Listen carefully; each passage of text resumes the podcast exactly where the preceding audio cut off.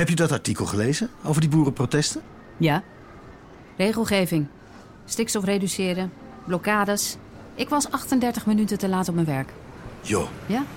Als het om nieuws gaat, hou je het liever bij de feiten. Daarom lees je nu.nl. Nu.nl. Houd het bij de feiten. Al 25 jaar. Ga naar nu.nl of download de app.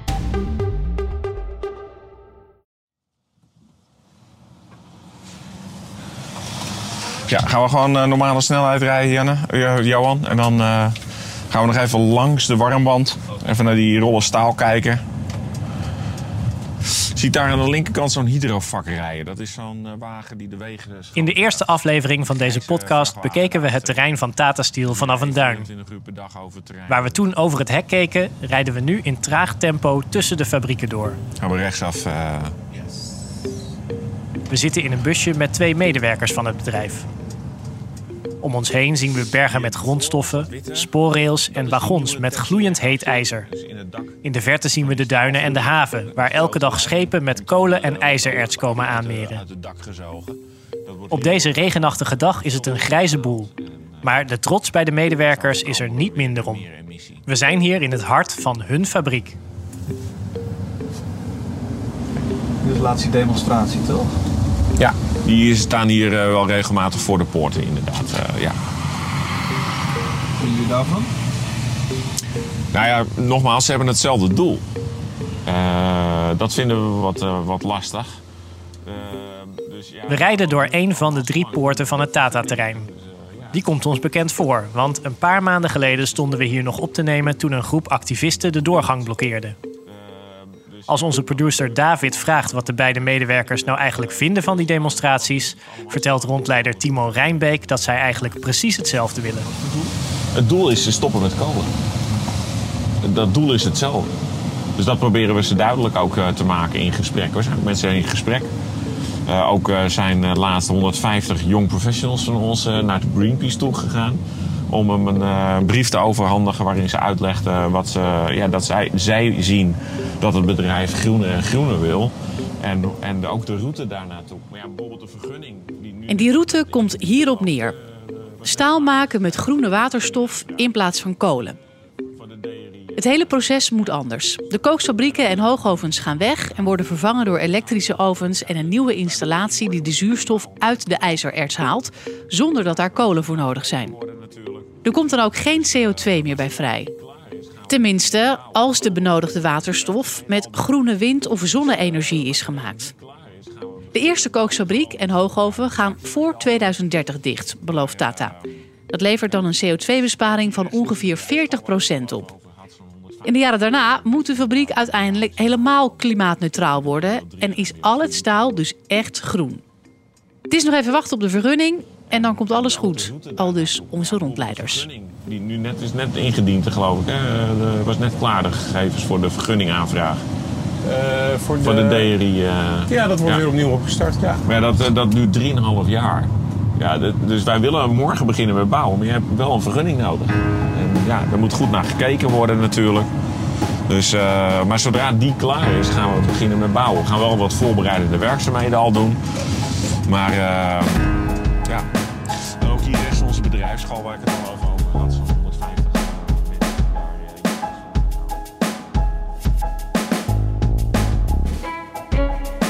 Als we de mensen van Tata moeten geloven, is het een overzichtelijk verhaal. Vergunning krijgen, de boel ombouwen en schoon groen staal produceren. Maar er zijn nog wel beren op de weg. En dat zijn geen kleine beren, want wie gaat de transformatie van deze fabriek eigenlijk betalen? Is er straks wel voldoende waterstof om al het staal groen te maken? En moeten de huidige vervuilende fabrieken niet veel eerder dicht dan in de plannen van Tata Steel staat? Mijn naam is Annemarie Rozing en samen met Jeroen Kraan maak ik deze podcast voor nu.nl. Je luistert naar Tata's IJzeren Greep. Dit is aflevering 6. Groen staal.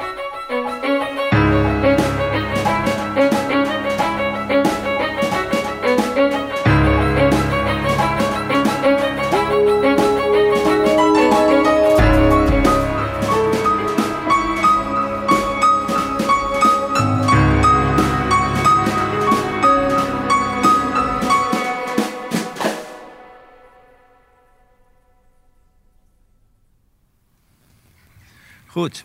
Ja. Nou, daar gaan we. Daar gaan we dan. Dus dat was de inleiding. Draait hij? Het, het is ook goed dat je... het- Een paar kilometer verderop nemen we plaats aan een tuintafel in Heemskerk. Verleden, dus wat dat betreft... eh, Het is de tafel van een van de mensen die aan de wieg stonden van de groene plannen van Tata Steel, Piet Joustra. Hij werkte van 1965 tot 1977 als ingenieur aan de gigantische nieuwe fabrieken die toen op het terrein verschenen. De technieken die toen werden ontwikkeld ging hij later in het buitenland verkopen aan andere staalbedrijven. Na een carrière van 36 jaar gaat Piet in 2001 met pensioen, waarna hij weer plaatsneemt in de collegebanken als filosofiestudent. Uiteindelijk promoveert hij met een scriptie die gaat, hoe kan het ook anders, over het besturen van de staalindustrie. En dan leest hij vijf jaar geleden, ver in zijn pensioen, ineens over de plannen van Tata Steel om te vergroenen. Ik las in de krant dat eh, het staalbedrijf dacht de problematiek van de CO2 op te lossen door het onder de Noordzee op te slaan. En weet u nog wanneer dat was? 2018? Dat was in eh, 2019. 19, ja. De fabriek is ondertussen onderdeel geworden van het Indiase Tata Steel. Dat hoort op zijn beurt weer bij de Tata Group, een megabedrijf met wereldwijd meer dan een miljoen medewerkers. Tata Group heeft televisienetwerken, restaurants, hotels, automerken als Jaguar en Land Rover en dus ook staalfabrieken. In India, maar ook in Engeland en Nederland. Nadat landen in 2016 het klimaatakkoord van Parijs tekenden, werd duidelijk dat de CO2-uitstoot ook in de staalindustrie echt omlaag moest. De EU wil voorloper zijn op klimaatgebied en verplicht bedrijven om hun uitstoot te verlagen en uiteindelijk naar nul te brengen. Om dat te doen zet Tata Steel eerst nog in op het afvangen van de CO2-uitstoot. Miljoenen tonnen van het broeikasgas moeten jaarlijks onder de Noordzee verdwijnen om permanent te worden opgeslagen, leest Piet in de krant. Toen werd ik zo ontzettend, ja, gewoon boos. Toen heb ik een aantal collega's gebeld. En, eh, Wa- waarom? Wat, wat, wat- nog even. omdat, dat een, omdat dat een, natuurlijk een, een, een bloody shame oplossing was. Want het systeem was dan, dan zou men voor elke CO2 die opgeslagen werd, kregen ze dan subsidie uit Den Haag. Met andere woorden, de subsidies waren gerelateerd. Hoe meer CO2 je maakt, hoe meer subsidie je maakt. Terwijl een subsidie moet natuurlijk de doel hebben om, om CO2 te verminderen. Dus het was een, een noem je dan een end-of-pipeline oplossing. In plaats van dat je de rotzooi, met als, net als met luchtvervuiling, in de grond doet, eh, eh, uitspuit en er probeert nog een ontstoffing te bouwen. Je moet zorgen dat je geen CO2 maakt. Dus je moet naar een, een procesverandering om staal te maken zonder dat je CO2 produceert. En die oplossing was er. Was er dan een, gewoon een totaal gebrek aan visie bij Tata Steel op dat moment? Of een onwil om eh dit echt aan te pakken? Correct. Kijk, we komen, en dat, dan kom je bij corporate governance. Het bedrijf werd, eh, was onderdeel van Tata Steel Europe. En die hadden een, een hoofdkantoor in Londen. En daar zaten dan een eh, directeur duurzaamheid. En die was vooral de grote stimulator van opslag onder de Noordzee. En dat was dan niet gefocust op eh, het heil van het staalbedrijf, maar vooral eh, gefocust op oh, de enorme hoeveelheden subsidie die ze uit Den Haag zouden kunnen krijgen voor dat onderwerp. Volgens Piet ligt een heel andere oplossing voor de hand: waterstof. Een gas dat al lang wordt gebruikt in de industrie, maar dan gemaakt met aardgas en dus met uitstoot van CO2. Maar als je het maakt met groene stroom, kan het een klimaatvriendelijke oplossing zijn in een staalfabriek. Hoe dat werkt? Let goed op. Piet geeft een kleine scheikundeles. IJzererts is FeO of Fe2O3. is een combinatie van ijzermoleculen en zuurstofmoleculen. Nou, maar je wilt alleen de Fe, het ijzer. Dus die O moet eruit. Dus dat moet je reduceren. dat. Dus de gewoonte was om dat met steenkool te doen. Die steenkool die moet eerst tot kooksverwerk worden in kooksfabrieken. En die kooks die wordt dan in die hoogoven gegooid. En dan krijg je dus uiteindelijk krijg je daaruit aan het einde vloeibaar ijzer, Fe. En je krijgt dus slak, dat is zeg maar het gesteente wat erin zit. En de CO2 verdwijnt. En dat is dus, dat was door de eeuwen heen het proces. En daar zijn alle staalfabrieken op gebouwd en ook deze. Maar er is dus een andere manier om de zuurstof, de O, uit het ijzererts te halen. Directe reductie heet dat. En als je dat doet met waterstof, H2, blijft er als restproduct geen CO2 over, maar H2O, oftewel water. Lang verhaal kort, het is een techniek waardoor de kooksfabrieken en hoogovens niet meer nodig zijn. en waarmee je voorkomt dat er CO2 de lucht in vliegt. Op verschillende plekken ter wereld wordt al staal gemaakt via directe reductie. Maar in plaats van waterstof wordt er dan aardgas gebruikt. En is er dus nog wel CO2-uitstoot. Uh, dus dat was bekend. En omdat dat al een enorme verbetering geeft van de hoeveelheid CO2. Pas, uh, daar vlak achteraan kwam toen die ontwikkeling met de waterstof. En als je het met de waterstof doet, dan heb je helemaal niet meer een zee. Dus uh, ook de nieuwe installaties die nu gebouwd worden, zal tijdelijk eerst op aardgas moeten draaien. En daarna pas op waterstof. Omdat we niet tijdelijk, tijdig de waterstof beschikbaar hebben. Voor Piet is dus duidelijk dat dit dé oplossing is voor de staalfabriek in IJmuiden. Om het plan verder uit te werken verzamelt hij een groep oud-directeuren van hoogovens, hoogleraren en experts bij elkaar, die samen de groep Zeester vormen. Ook Ad van Wijk, bekend als de waterstofprofessor van de TU Delft, sluit zich aan. En, niet onbelangrijk, ook vakbond FNV steunt de plannen. De vakbond vindt dat dit plan perspectief biedt op een toekomstbestendige fabriek voor de duizenden medewerkers. Samen met FNV presenteert de Zeestergroep het klimaatplan in 2020 aan Tata Steel. Het bedrijf laat onderzoek doen naar het plan en nog een jaar later maakt de directie van Tata bekend dat het bedrijf inderdaad kiest voor de waterstofroute. Wat ik dan toch opmerkelijk vind is dat vrij snel nadat dat plan openbaar wordt, dat u zegt dit is de kant die Tata Steel, wat ons betreft de route die Tata Steel moet kiezen, vrij snel uh, gaan ze ook daadwerkelijk overstag ja. Um, ja. Heeft dat u verbaasd? Want uh, ik, ik ken geen enkel ander voorbeeld uit uh, de alle klimaatplannen die nu bij allerlei bedrijven worden gemaakt, waar dat op zo'n manier is gebeurd.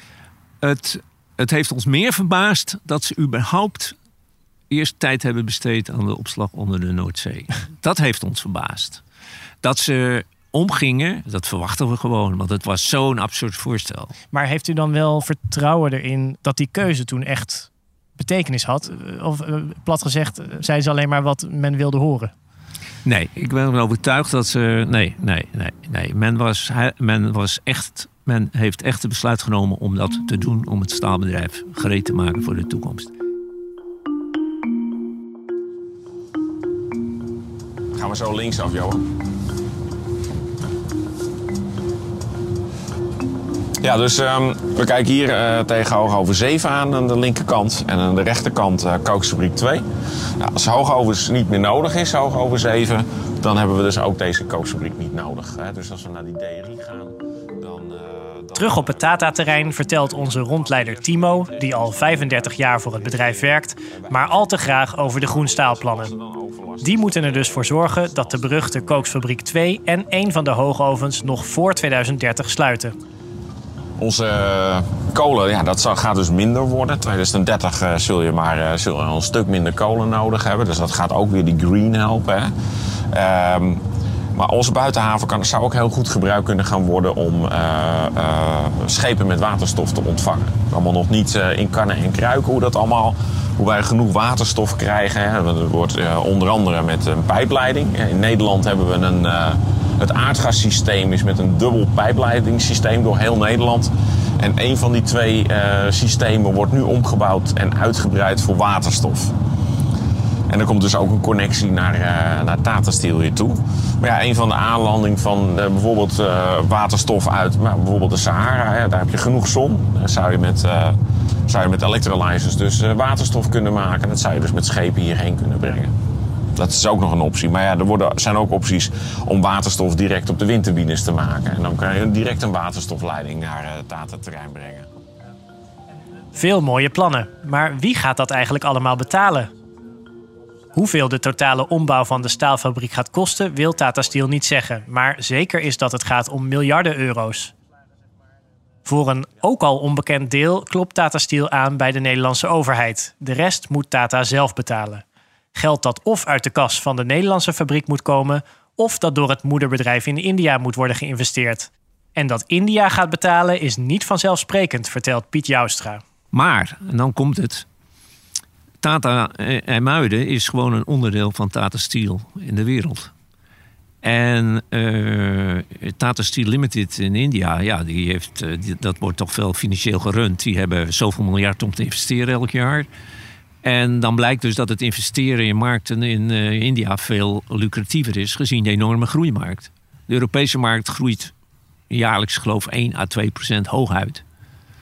Als het al groeit. Eh, Dus die 150 miljoen ton staal die we met z'n allen in Europa gebruiken, dat blijft 150. Nou, dat is niet een goede basis om een grote investering te maken als jij een financiële man bent. Terwijl in India komen de sommetjes natuurlijk fantastisch uit. Elk jaar groei van het gebruik, dit en dat. En dan bouwt men daardoor hele nieuwe staalbedrijven. Maar dat betekent dat als we hier dus overgaan op groen staal, dan heb je wel 3 miljard nodig. Ja. En dan krijg je dus de vraag van, eh, is de huidige eigenaar bereid om dat te betalen? En dan blijkt dus weer dat, dat vind ik toch, dat in Nederland men vaak niet snapt dat als je een bedrijf verkoopt, dat je er ook niks meer over te zeggen hebt. Eh, bijvoorbeeld eh, in de Kamer roepen ze dan... ja, hoogovens of staalbedrijf moet dit doen... en het staalbedrijf moet dat doen en dit en dat. Maar het staalbedrijf is gewoon onderdeel van Tata Steel Limited... en de enige boodschap die Tata Steel aan Nederland heeft... is dat ze de wetgeving op het gebied van arbeidsomstandigheden... en de wetgeving op het gebied van milieuregels... Ja. als ze die respecteren en volgen... dan hebben ze aan de rest geen enkele boodschap.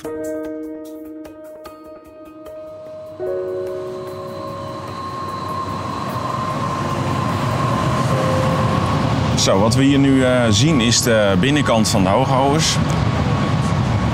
Het is niet toegestaan om foto's en film te maken. Excuseer. Nee, Zal ik hem eh, eh, direct verwijderen zo? Nou, als je maar voor jezelf houdt, prima, maar als je maar niet publiceert. Steeds zegt. Ja. Ja? Komen, ik niet, komen Peter en ik niet in de problemen.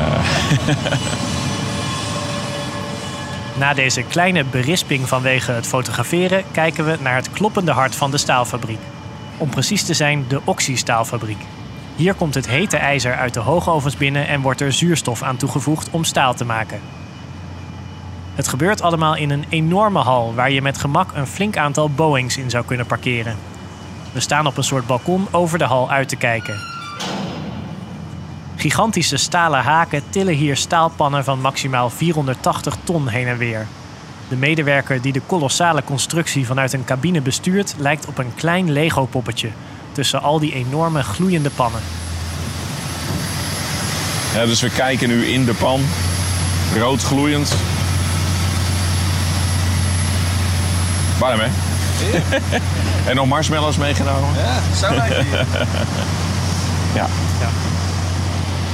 De staalpan die een paar verdiepingen onder ons staat is al leeg, maar toch slaat de hitte flink in ons gezicht, alsof we plotseling een sauna zijn binnengelopen. De vuurvaste stenen aan de binnenkant van de pan zijn nog rood gloeiend van het 1500 graden hete staal dat er net in zat.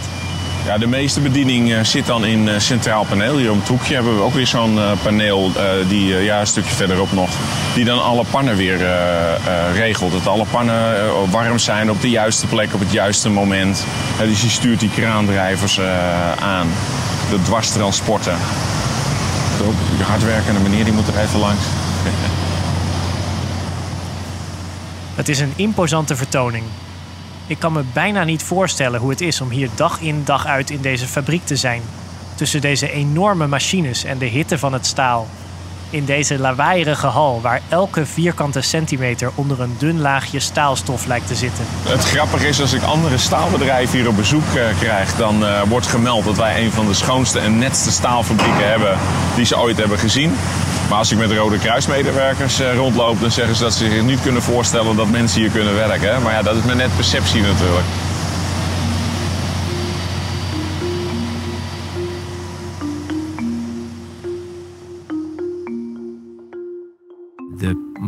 Machtspositie van dit staalbedrijf is natuurlijk minimaal. Want ze moeten gewoon doen wat India zegt. Dat is nou eenmaal het systeem van ons, eh, ons systeem van aandeelhouderschap. Nee. En eh, wij konden dus niet anders dan aan de huidige directie vragen om ons plan te verdedigen in India. Want wij konden wel contact op in India nemen, maar ja, die, eh, wij weet, ik weet precies hoe dat gaat. Dan eh, word je ontvangen op een nette wijze. Ze luisteren naar je, vinden het allemaal interessant. Want dat hebben ze van Engels geleerd. En vervolgens ga je naar huis en dan vragen mensen... heb je het gevoel dat je een heel goed gesprek hebt gehad... en vervolgens gebeurt er natuurlijk niks. Dat is de Engelse stijl van een bedrijf runnen. En die Indiërs hebben dat perfect overgenomen. Nadat het waterstofplan is gepresenteerd, krijgt het ook de steun van Tata Steel India. Het plan wordt verder uitgewerkt. Er komen twee ijzerfabrieken op waterstof en drie elektrische ovens van een heel nieuw type. Maar dit jaar gaat Tata ineens toch weer twijfelen. Mede op aandringen van de directie in India wordt het plan weer aangepast. Er komen niet twee fabrieken op waterstof, maar voorlopig slechts één. En ook komt er maar één elektrische oven van een ouder, betrouwbaarder type. Volgens Piet heeft de Indiaanse gigant überhaupt spijt van de aankoop van deze Nederlandse staalfabriek, ruim 15 jaar geleden inmiddels. Tata Steel probeerde ook al twee keer om hem te verkopen, maar beide keren klapte de deal voordat de handtekeningen werden gezet. Volgens hem zou het Indiaanse moederbedrijf de Nederlandse tak alsnog maar wat graag van de hand doen. Als, als u zegt, hè, ze hebben er misschien wel spijt van gehad, uh, ze hebben het weer in de etalage gezet. Is zo'n bedrijf dan, gaat zo'n bedrijf ooit dan nu nog uh, uh, investeren op een manier dat dit een klimaatneutrale staalfabriek gaat worden? Ja, dat is nou juist de grote twijfel. We hebben nu alweer sinds dat besluit alweer twee jaar door onze vingers laten lopen door, door slechte communicatie, slechte besluitvorming. Waardoor toen wij dat plan publiceerden, hadden we nog dat die koosfabriek kon in 2025 dicht. Maar ondertussen zijn we twee jaar verder. Dus in onze plannen uh, kun je hooguit in 2027, 28 kun je sluiten. Ja. Maar dat komt omdat we weer een paar jaar verloren hebben. Die 2030, we, maar we gaan gewoon door. We hebben samen met uh, vakbeweging, met FNV, hebben wij uit een voorstel ontwikkeld waarin die kookfabriek gefaseerd vanaf zeg maar 2025 stap voor stap dicht kan en dan in 2028 helemaal. Dat is een reëel plan. Is dat al aan nee, gepresenteerd? Nee, nog niet. En dat, uh, dat is wel uh, genoemd, maar dat wordt niet naar geluisterd gewoon. Men houdt nog steeds vol dat die staalfabriek in 2030 dicht moet. Men is... maar, maar ondertussen, hè, u zegt het ook, staat er een gigantische druk uit de omgeving. Ja. En, en is Tata er nog steeds niet heeft niet zoiets van: goh, misschien moeten we toch kijken of we die kookfabriek of we dat naar voren kunnen trekken. Uh, alleen al is het om uh, die storm een beetje te doen. Uh, nou, ik denk dat ze dat. Ik denk dat dat voor hun gewoon een. kijk, die kookfabriek, dat is helemaal niet meer een technologisch onderwerp. Dat is een politiek onderwerp geworden. Dus ik denk dat ze gewoon de sluitingsdatum voor die kookfabriek is gewoon een van de onderhandelingspunten met de steun vanuit Den Haag. Straks zegt Den Haag, nou, jullie krijgen de steun. Maar dan moet de koosfabriek moet niet in 2030, maar in 2028. Dat is de meest waarschijnlijke gang van zaken. En Tata Steel weet dat. Maar ze, die, ze gaan niet nu al roepen, nou misschien kunnen we in 2028. Want dat willen ze dan, dat, ze willen dat in de onderhandelingen gooien. Dus het is een politiek uh, probleem en al lang niet meer een, een, een, probleem. Dus ze zijn voortreffelijk in het traag verlopen van een bepaald proces. Ja, Nou, inmiddels zijn we, zijn we aangekomen bij onze pelletfabriek. En eh, je ziet uh, rechts in aanbouw het, uh, het, doekfilter van de rookgasreiniging van, van de pelletfabriek. onderdeel van de grootste milieuinvestering uit de geschiedenis van dit bedrijf. En onderdeel van het Roadmap Plus verbeterprogramma. Op het Tata-terrein spreken we naast rondleider Timo ook met Bram Nuchteren, omgevingsmanager bij Tata Steel. Hij gaat over de zogeheten Roadmap Plus, de milieuverbeteringen die het bedrijf tot 2025 uitvoert. Met als meest zichtbare onderdeel een gigantische filterinstallatie bij de pelletfabriek, zo groot als een flatgebouw. 200 miljoen euro kost die, twee derde van de totale milieuinvesteringen uit het verbeterprogramma. Het moet de uitstoot van stof en zware metalen bij deze fabriek met 80% omlaag brengen. Ja, dan gewoon het hele grote gebouw, dat flatgebouw wat je daar ziet op, uh, op de achtergrond. Dat is eigenlijk het doekfilterinstallatie. Daarin zitten gewoon allemaal cilindrische doeken. Waardoor de, zeg maar, de rookgassen heen uh, stromen. En ook door het doek van de doekfilter weer naar buiten toe gaan uiteindelijk. En de, de stof blijft achter in dat doek. En van tijd tot tijd wordt het uitgeklopt, waardoor het stof naar beneden valt. Dat wordt verzameld en dat wordt dan weer ingezet bij de Sinterfabriek. Dus het is eigenlijk een beetje zoals eh, thuis uh, het, het, filtertje op je afzuigkap. Of je, maar dan uh, gigantisch flatgebouw groot. Ja, de stofzuigerzak. Wij zijn ook, wij zijn ook op zoek naar goede communicatie als we dit zo meteen in bedrijf gaan nemen. En we zijn aan het verifiëren of dit inderdaad de grootste stofzuiger van Nederland is. Oké, okay, nou, hou me op de hoogte. een ander belangrijk deel van het plan is een windscherm van 18 meter hoog en een kilometer lang rond de kolenopslag. Het moet ervoor zorgen dat er veel minder stof naar de omgeving waait. In 2021 werd een witte sneeuwdeken in de duinen van Wijk aan Zee nog vervuild door een laag kolenstof. Maar incidenten als die zwarte sneeuw moeten door dit windscherm verleden tijd zijn.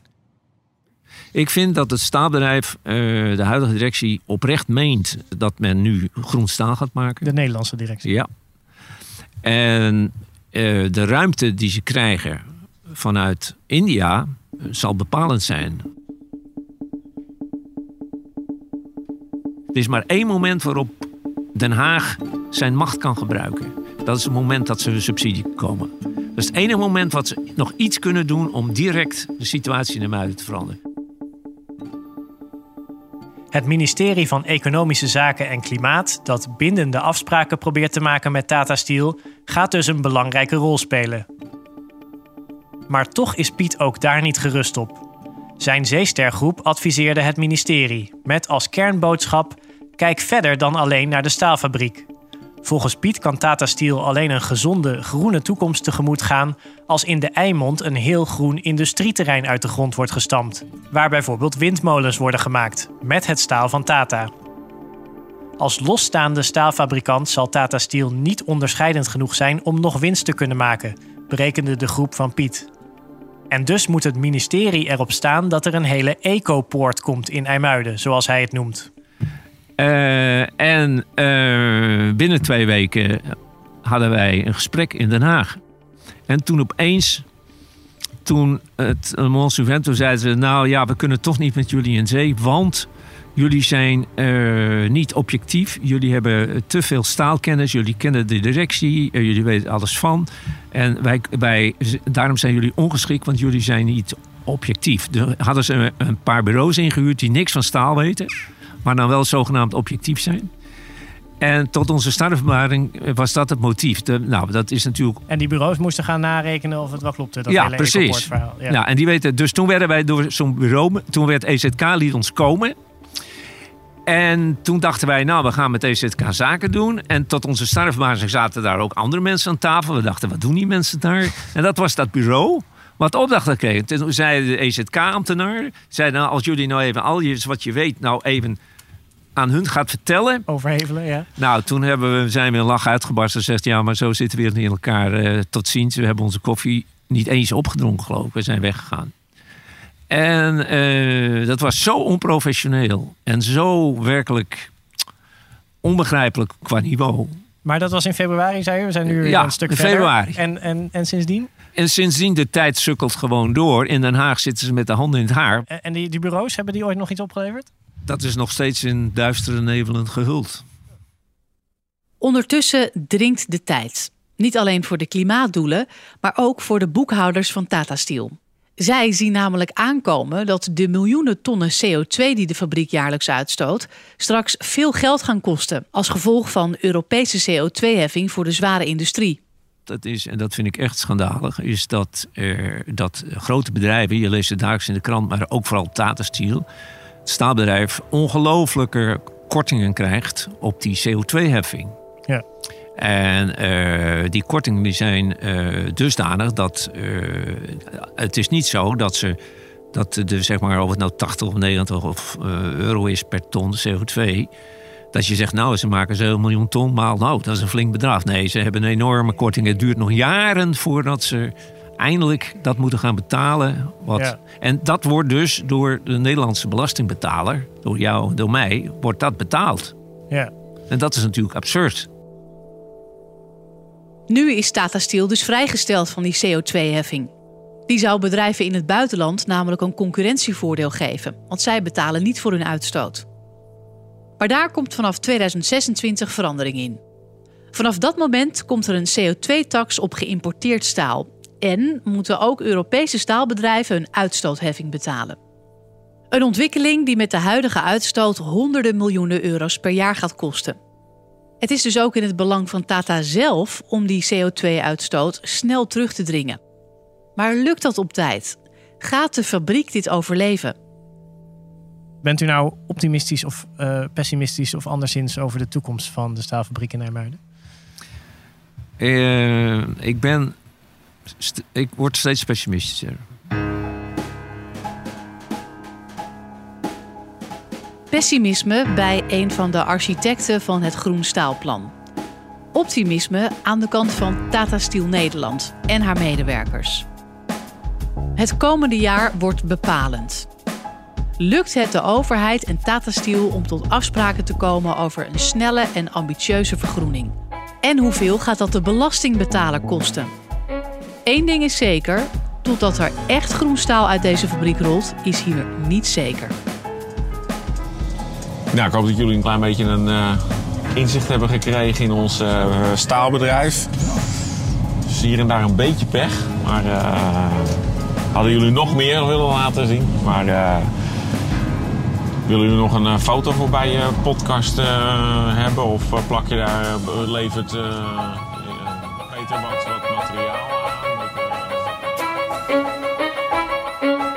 In de volgende en laatste aflevering van Tata's IJzeren Greep spreken we de twee sleutelfiguren in dit verhaal. Gedeputeerde Jeroen Olthoff van de provincie Noord-Holland. Die gaat over de vergunningen van Tata Steel en het toezicht op de uitstoot. En Hans van den Berg, directeur van Tata Steel Nederland. Want wat is zijn reactie op de boosheid vanuit de omgeving? Confronterend, zo, zo voelt hij wel omdat wij eigenlijk uh, ja, enorm ons best doen om juist het beeld dat dat allemaal in greep is, om dat te niet uh, te doen.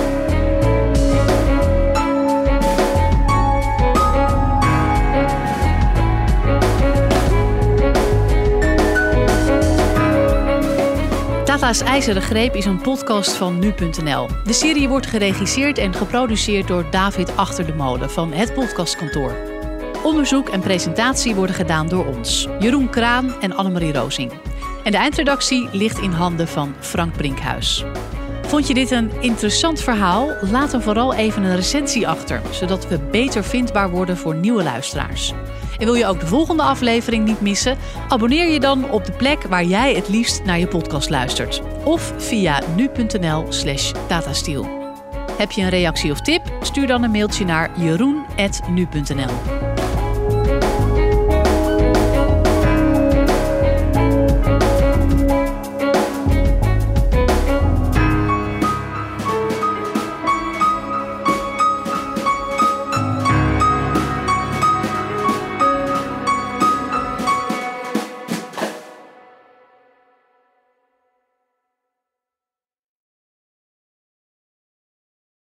je niet wachten tot volgende week? Ga dan naar nu.nl slash tatastiel, maak een inlog aan en luister gratis alvast naar de volgende aflevering van deze podcast. Heb je dat artikel gelezen over die boerenprotesten? Ja. Regelgeving. Stikstof reduceren. Blokkades. Ik was 38 minuten te laat op mijn werk. Jo. Ja? Als het om nieuws gaat, hou je het liever bij de feiten. Daarom lees je nu.nl. Nu.nl Houd het bij de feiten. Al 25 jaar. Ga naar nu.nl of download de app.